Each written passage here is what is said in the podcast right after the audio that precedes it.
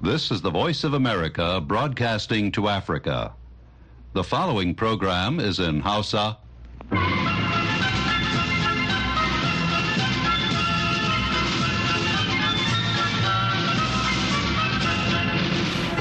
Sashen Hausa na muryar Amurka ke magana daga nan birnin Washington DC.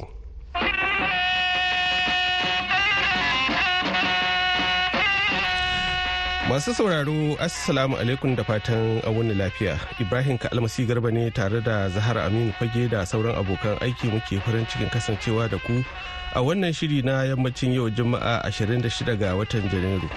Kafin ku ji abubuwan da muke tafa da su ga Zahara da kanun labarai. Ma'aikatar lafiya ta gaza ta faɗa a yau juma'a cewa adadin waɗanda suka mutu a yankin ya haura sama da mutane dubu ashirin da shida yayin da mutum sama da dubu sittin da huɗu da ɗari huɗu suka jikkata a cikin sama da watanni uku na yaƙin isra'ila da hamas. Sashen kasuwanci da cinikayya na majalisar ɗinkin duniya ya yi gargaɗin cewa ana fuskantar tarnaki a harkokin kasuwancin duniya sakamakon hare-hare da ake kaiwa a bahar maliya da yaƙin ukraine da kuma ƙarancin ruwa da ke cikin mashigar ruwan panama To, kanin labaran kenan a babin rahotanni za a ji cewa 'yan bindiga na ci gaba da gallazama mutane a yankin arewa maso yammacin Najeriya. Sun tare mota ta taso daga dan kurmi zuwa dan umar sun halbe ta sun kashe mutum shidda sun kwashe wa'yansu. Ba mu da shiga yankin dan umaru. Haka shekaran jiya suka samu bawan allah suka kashin gilla shada dan tumburku za kuma aji cewa hukumar alhazan ghana ta ce bata kara kuɗin hajjin bana ba amma a yi hankali da 'yan damfara. A lura kuma a nisanci masu kasuwanci wai za su yi su yi su taimaka ma manyatan haji bana. Za su karɓi wasu kudade wurin su ya so su ya samu su visa su je kasan saudiya su yi aikin haji ko ko ya san cewa vizan wanye daban ne da vizan haji kamar yadda muka yi bayani a baya yau a maimakon shirin duniyar amurka wanda ya koma yanar gizo muna tafa da shirin da ɗan gari akan ci gari wanda yau zai je zangon tuta a ghana. Amma yanzu a gyara zama a sha kashi na farko na labaran duniya. Masu sauraron mu assalamu alaikum barkanmu da wannan lokaci. Ma'aikatar lafiya ta gaza ta faɗa a yau juma'a cewa adadin waɗanda suka mutu a yankin ya haura sama da mutum dubu ashirin da shida. Yayin da mutum sama da dubu sittin da huɗu da dari huɗu suka jikkata a cikin sama da watanni uku na yaƙin isra'ila da hamas ma'aikatar ta faɗa da sanyin safiyar yau juma'a cewa a cikin sa'o'i 24 da suka gabata an kashe falasɗinawa 183 a hare-haren da isra'ila ke kaiwa yayin da wasu 377 suka jikkata. Rundunar sojin isra'ila ta ce tana gudanar da bincike kan harin da aka kai a ranar alhamis wanda ya sanadiyar mutuwar mutane akalla ashirin tare da kuma jikkata wasu 150 a da'irar birnin gaza. Yayin da falasdinawa ke jiran kayayyakin jin kai a cewar jami'an kiwon lafiya na hamas. Har ila yau a tsakiyar gazan jami'an kiwon lafiya na falasdinu sun ce wani hari da jirgin saman isra'ila suka kai da daddare a wani gida da ke sansanin 'yan gudun hijira a na al-nusrat ya kashe mutane shida a ranar bakwai ga watan oktoban bara. Wannan fada ya barke bayan da mayaƙan hamas suka kai hari a cikin isra'ila wanda ya sanadiyar mutuwar mutane 1,200 Sashen kasuwanci da cinikayya na Majalisar Ɗinkin Duniya ya yi gargaɗi a jiya Alhamis cewa ana fuskantar tarnaki a harkokin kasuwancin duniya sakamakon hare-hare da ake kaiwa a Bahar Maliya da yaƙin Ukraine da kuma ƙarancin ruwa da ke mashigar ruwan Panama. Jan Hoffman kwararre a fannin kasuwanci da cinikayya a hukumar da aka fi sani da UNCTAD ya yi gargaɗi a ranar Alhamis cewa farashin jigilar kayayyaki ya riga ya yi tashin gwauron zabi kuma ana fama da matsalar makamashi da abinci lamarin da ke kara hadarin hauhawar farashin kayayyaki. Hoffman ya kara da cewa tun lokacin da 'yan tawayen huthi na yaman suka fara kai hare-hare a kan jiragen ruwa a bahar maliya a watan nuwamba manyan 'yan kasuwa a harkar sufurin jiragen ruwa suka dakatar da amfani da mashigar zus na ƙasar masar na wani ɗan lokaci. Zirga-zirgar jiragen ruwa a muhimman hanyar ruwa wadda ta hada da bahar rum zuwa bahar maliya ta ga gagarumar raguwar kasuwanci da kashi 42 a cikin watanni biyun da suka gabata a cewar hoffman. To an jima kaɗan Zahara za ta sake shigowa da ci gaban labaran duniya kafin nan bari mu kawo muku rahotonmu na farko wanda zai kai mu Najeriya inda 'yan bindiga ke ci gaba da cin karensa ba babbaka a jihohin Zamfara da Kebbi. Muhammad Nasir gare ka.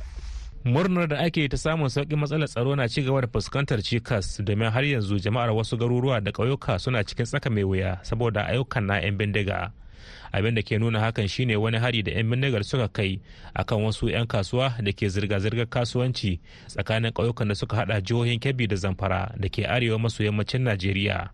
Shugaban karamar hukumar mulkin donkowa sagu ta jihar kebbi hussaini aliyu da yake tabbatar da faruwar lamarin ya bayyana cewa dama saboda zaman lahiyar da aka samu wannan yanki namu a mutanen zamfara da ke zuwa wata kasuwa da ake ce kasuwar dan kurmi babbar kasuwa ce to mutanen mahi yawanci an ka ɗaki takwas da gusau da sauransu sun kwammace masu zagayo su biyo wannan hanya tamu ta ɗan umaru su haɗo bene su zo riba a su zo ɗaki takwas wasu su koma garuruwansu. Karfe biyar muka samu rahoton cewa barayin sun tare su daidai kusan boda da mu da zamfara. Sun hito kenan bayan sun ci kasuwa. To sun buɗe masu wuta. Unfortunately dai direban da yaron shi wanda mutumin mahwara ne yaron shi kuma dan maradun ne eh, kwanansu suka ƙare. Su ma jama'ar garin dan umaru da ke kusa da inda harin ya auku a cikin karamar mulkin dan kowa sagu sun ce matsalar rashin tsaro ta jima tana hana su bacci da idanu biyu rufe kamar yadda alhaji sani dan umaru ke cewa. La'asar ɗan ƙarfe huɗu da rabi sun tare mota ta taso daga dan kurmi zuwa dan umar sun halbe ta sun kashe mutum shidda. Sun kwashe wa'yansu. Ba mu da shiga yankin dan umaru. Haka shekaran jiya suka samu wa'yansu bayan Allah bayan Allah suka kashin gilla shada ɗin tumɓurku duk yankin dan umaru. Kullum yadda muka ga dare haka muke gana rana. Mun sai kai gwamnati mai adalci ne. Don Allah don annabi ka taimaka mana. Muna cikin halin wulakanci. Bayan Allah ga sun yi aiko takarda sun yi mi sun ce dole sai mai sunu mu kuma wallahi mun ce ba mi. Shi ma shugaban ƙungiyar banga na mazaɓata dan umaru ya ce sun shayin aran gama da barayi saboda yadda suke addabar jama'a a garuruwan da ke yankin. Wato ni ne shugaba na bijilanti dan umaru ward. Shekaran jiya ma mun yi wani artabu da su tsakanin mu da shadadin tumburku da yake shadadin tumburku yankin dan umaru ce. Sannan wallahi mun dai iya ƙoƙarin mu akai amma sun kashe muna mutane kuma sun kwashi dukiyoyin mu domin yanzu babu shanu sun koma awakin gari suke kwasa. Don Allah don annabi gwamnatin mu take bitun da mai adalci te ta dubi halin da muke ciki saboda Allah da annabi ta taimaka muna. To ko me mahukunta ke yi a halin yanzu? Shugaban karamar hukumar mulkin dankowa sago yana mai cewa yanzu haka mai girma gwamna ya ba da umarnin uh, security agencies uh, da ke wannan yanki su ɗauki dukkanin matakan da ya kamata a ɗauka domin ita ma wannan hanya a ga an yi securing ɗinta kamar yadda aka yi sauran hanyoyi irin kamar tsakanin bena zuwa kwatankwar zuwa bangi cikin niger state wanda wannan ɗaukan matakin da aka yi na deployment wurin ya zauna lafiya. kawo zuwa hada wannan rahoto dai na kira kakakin rundunar 'yan sanda ta jihar kebbi domin tabbatar da wannan lamarin sai dai bai ɗauki kiran da na yi masa ba. Matsalar rashin tsaro a najeriya dai tana kwan gaba kwan baya domin ko an ga sauƙi sai ta sake dawowa. Yayin da mahukunta ko da yaushe kalamansu su ne suna ƙoƙari amma dai matsalar ta ki tafiya baki ɗaya. Muhammad nasir muryar amurka daga kebbi a najeriya.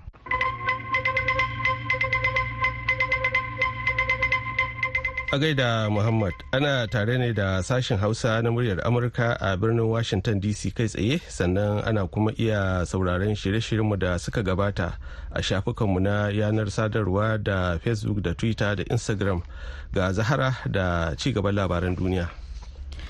Sakataren harkokin wajen Amurka a Tony Blinken ya kammala rangadin da ya yi a Afirka a ranar Alhamis.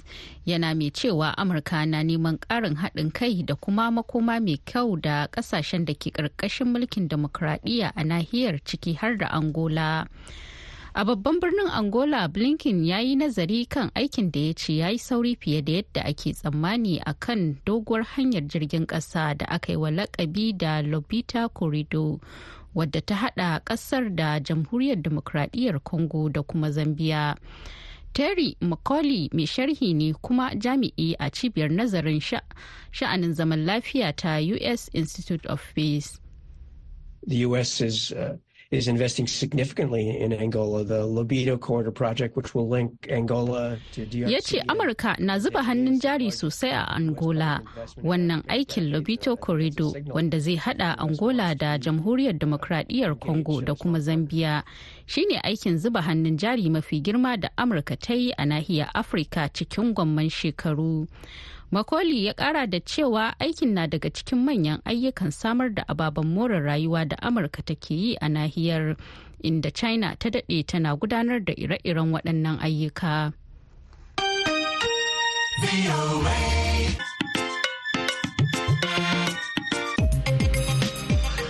To a gaida Zahar Aminu fage da ta karanto mana labaran duniya daga nan sashen hausa na muryar Amurka a birnin Washington DC.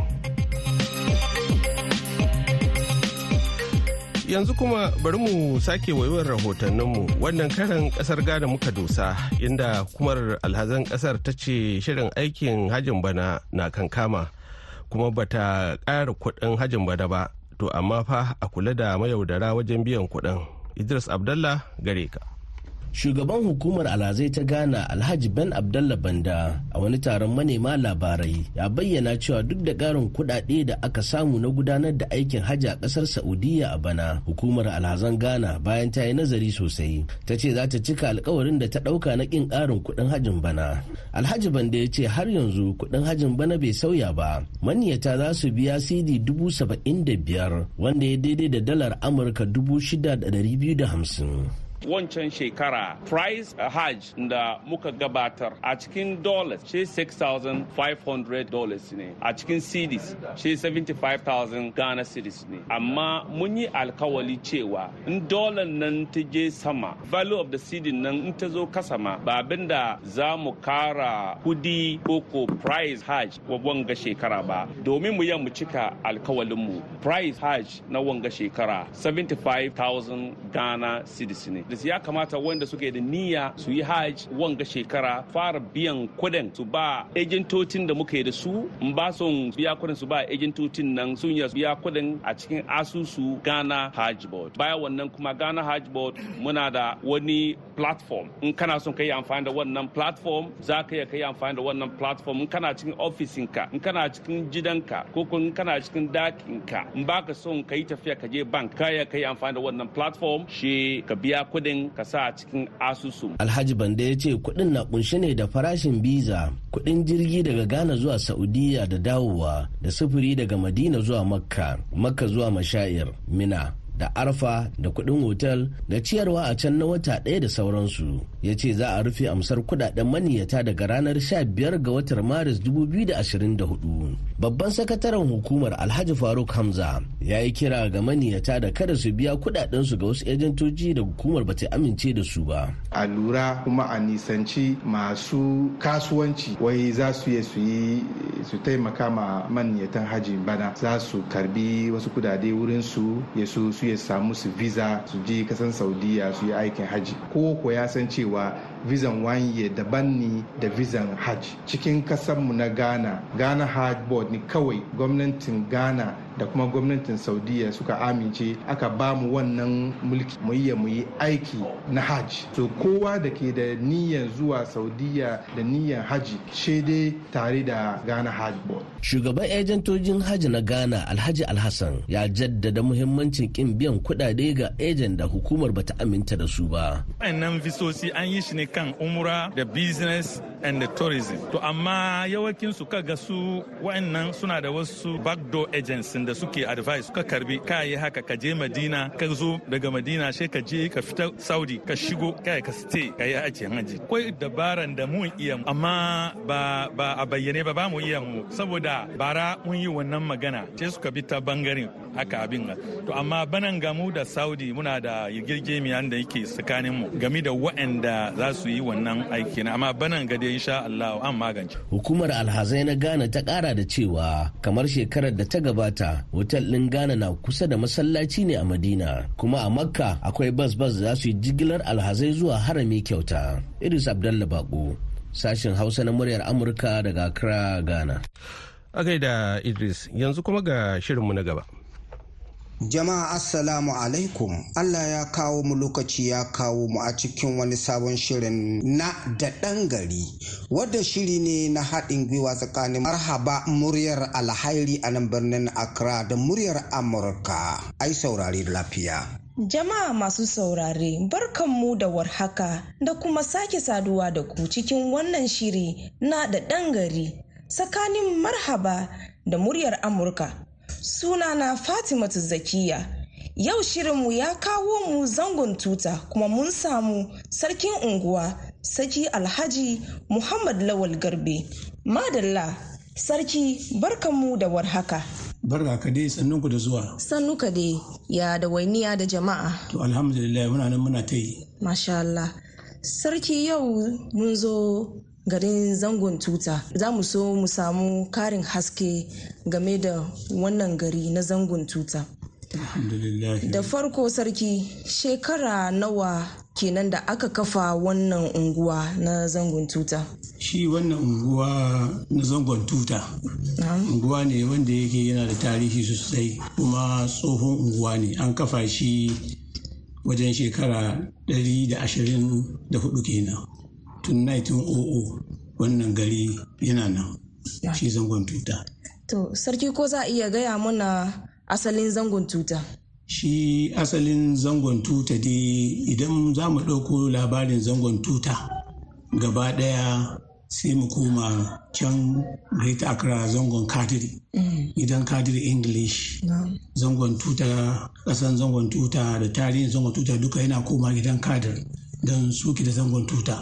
Kuma su suka kafa zangon tuta. A lokacin da jama'a suka yi yawa a can tsakiyar Ankara wajen kadir to shi ne ya maido da mutanen su nan ana kawo baƙi nan ana ajiyewa. To shi ne ya ɗauki wannan ɓangare na zangon tuta ya ba Abdullahi Garbi shi ya zama shi ne sarki mai kulawa da wannan wurin da jama'an da za a kawo daga can zangon kadiri. Yasa a kowane lokaci in baki suka zo suka sauka wajen kadir ba a turo su ko ina sai a turo su zangon tuta. Shi kuma abin da yasa ake cewa zangon tuta zangon tuta ita tutan nan mace ce. Ita wannan mace ce matan wannan Abdullahi Garbin ne. To da suke nan a wannan zamani tsawon lokaci wato tana tuwo. Kuma lokacin nan fatake suna wucewa daga hanya nan su wuce zuwa tunga kwashima da sauran ƙauyuka da suke ciki.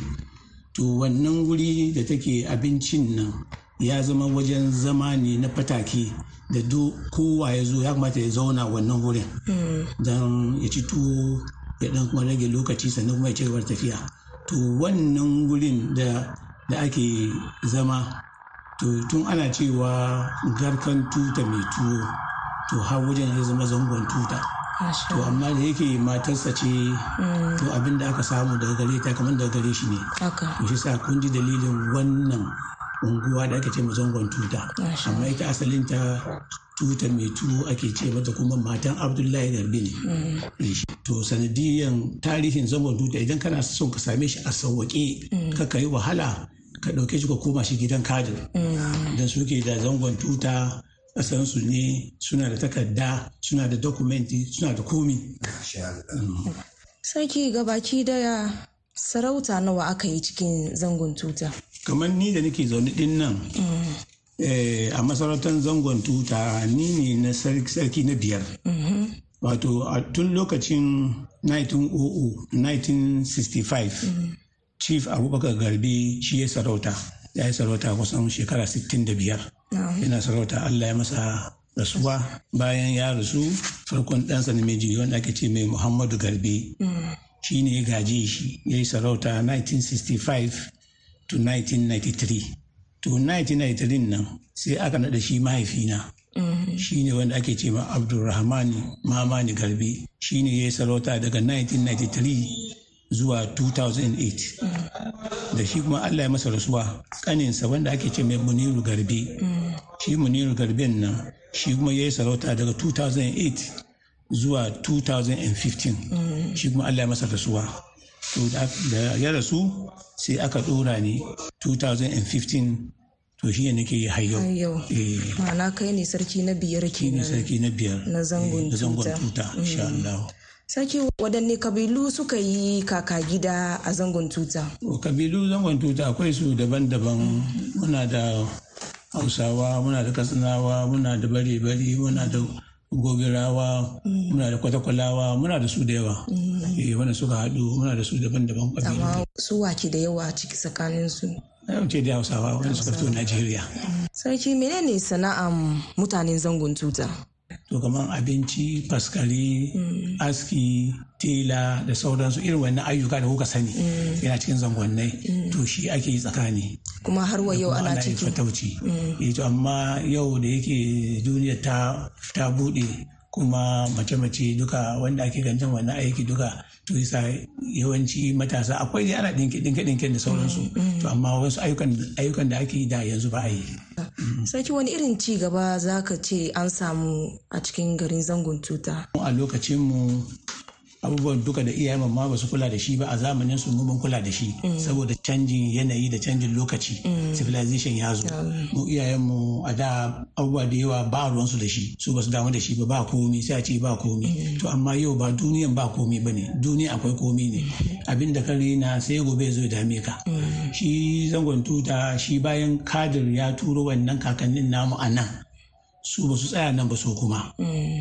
Su kuma daga nan zangon tutan a wannan lokaci suna tafiya har zuwa mata haiku.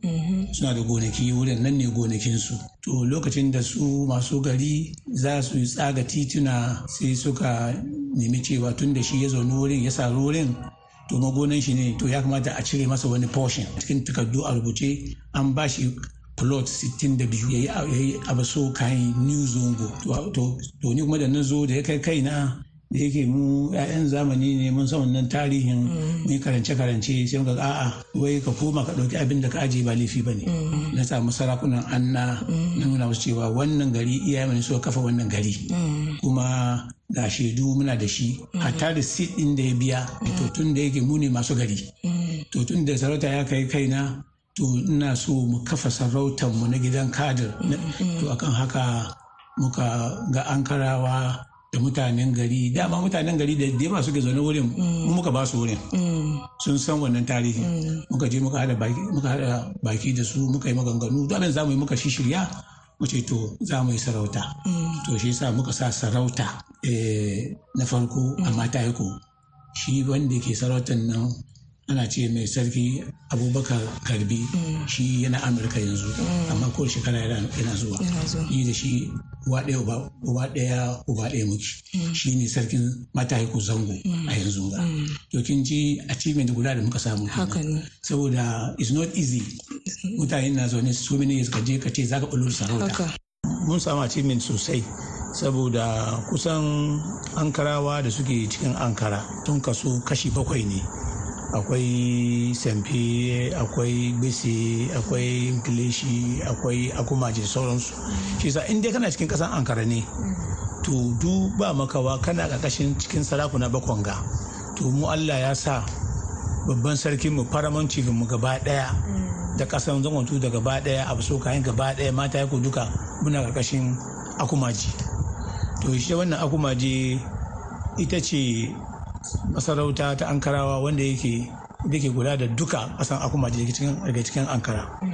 To da yake mu ne kuma farko wanda muka kafa fara samun zango akan kasansu tun wannan lokaci na tun da na gaya muku nan. To shi wannan sarki da ke kai wanda ake ce mai ni aika ted shi ne sarkin akumanci. Ya ce dole ne ya ba mu abin da ma iyayenmu ba su nema ba ya kamata ya ba mu tunda tarihi ya gwada cewa akan kasansu ba wani bahaushe ba wani sarkin zango da suka sani sai zangon tuta. To akan haka ya bani takarda ya naɗa ni. Ni ne sarkin zangonnin ƙasan akumaji gaba ɗaya.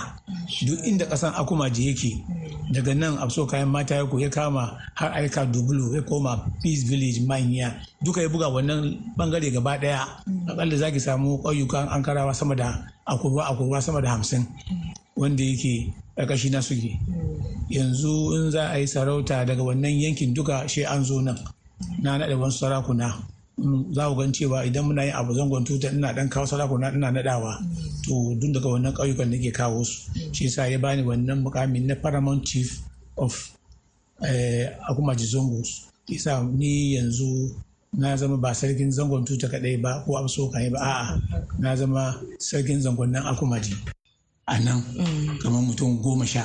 Isa yanzu akwai fada a nan akwai fadawa ana tafiya da sarauta. To kin ga mu abin da iyayen ba su ga mun zo mun yi. Sarkin abin a baka dama ka yi kira ga gwamnati me za ka ce? Wato talakawa da yawa suna da 'ya'ya a cikin zangon tuta waɗanda suke da ilimi amma ba hali. In gane ko? To irin wannan yaran muke so a taimaka mawa wajen biyan kuɗin school fees su da sauransu. Wannan shine major ma yake damun makware don ko da scholarship goma goma ne ba ma zango tuta ba. Kowane zango aka ba da goma aka samu zango na university ma. An taimaka. Sarki muna godiya da lokacin da ka ba mu. Allah ya saka da alheri. Na gode ƙwarai da wannan zuwa naku. Na godiya gare ku kuma muna son irin wannan dama da kuke ba mu. Mu faɗi abin da muka sani. Kuma Allah saka muku da alheri akwai maganganu da yawa da lokaci ba zai ba mu dama mu faɗi shi ba amma kwakwado dai abin da kuke so ku samu game da tarihin zangon tuta na jin dai kun samu Assalamu alaikum wa rahmatullahi ta'ala wa barakatu. Wa alaikum assalam wa rahmatullahi ta'ala wa barakatu. Masu saurare da haka muka iso ƙarshen shirin a madadin bakonmu na yau sarki Alhaji Muhammad Lawal Garbe. Redwan Muktar Abbas wadda ya lura da shirin da kuma marhaba muryan alheri ni ce taku Fatimatu Zakiya ke sallama da ku a cikin shirin na da dangari ayini lafiya.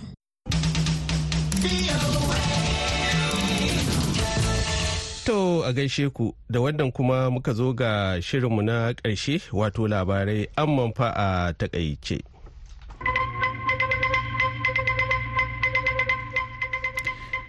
Koriya ta arewa ta ce ta karɓi bakuncin tawagar gwamnatin ƙasar china ƙarƙashin jagorancin mataimakin ministan harkokin wajen ƙasar sun widong yayin da take ci gaba da ƙoƙarin ƙarfafa alaka da beijing da moscow.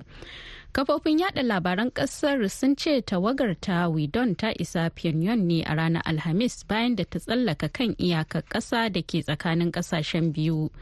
Shugaban koriya ta arewa kim jong-un ya yi ta ƙoƙarin ganin an inganta a dangantakar kasarsa da china da rasha da kuma ƙarfafa ikonsa a yankin ta hanyar kalubalanta amurka.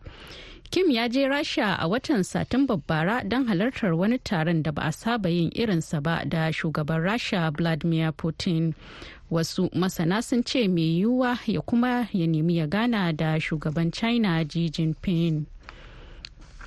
Wani ɗan ƙasar Japan ya ɗaukaka ƙara akan hukuncin da wata kotu ta yanke masa a ranar Alhamis, inda ta ce yana da hankali lokacin da ya ƙona wani gidan kallon wasan kwaikwayo da ke Kyoto a shekarar 2019, wanda ya sanadiyar mutuwar mutane 36 tare da raunata 32.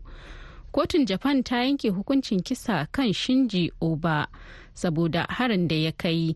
Lauyoyin oba sun ɗaukaka ƙara a yau juma'a kan hukuncin da aka yanke masa inda suka ce oba ba shi da ba shi da laifi saboda yana fama da larurar taɓin hankali uzurin da alkali ya ƙi amincewa da shi. Oba mai shekaru 45 a duniya ya amince da cinna wuta a wurin kallon mai suna toyota animation bayan zuba masa man fetur. To masu sauraro da haka muka kawo ƙarshen wannan shiri namu sai kuma a dakaci shirinmu na yau da gobe. Sannan idan Allah ya kai mu da dare wato tara da rabi agogon Najeriya da Nijar wanda ya daidai da ƙarfe takwas da rabi agogon GMT da Ghana za a je mu ɗauke da wani sabon shirin. Yanzu a madadin Zahara Aminu Fage wadda ta taya ni gabatar da shirin da producer mu Julie Gresham da kuma injiniyar mu ta yanzu Kelly Williams ni Ibrahim Kalamasi Garba ke muku fatan alheri wassalam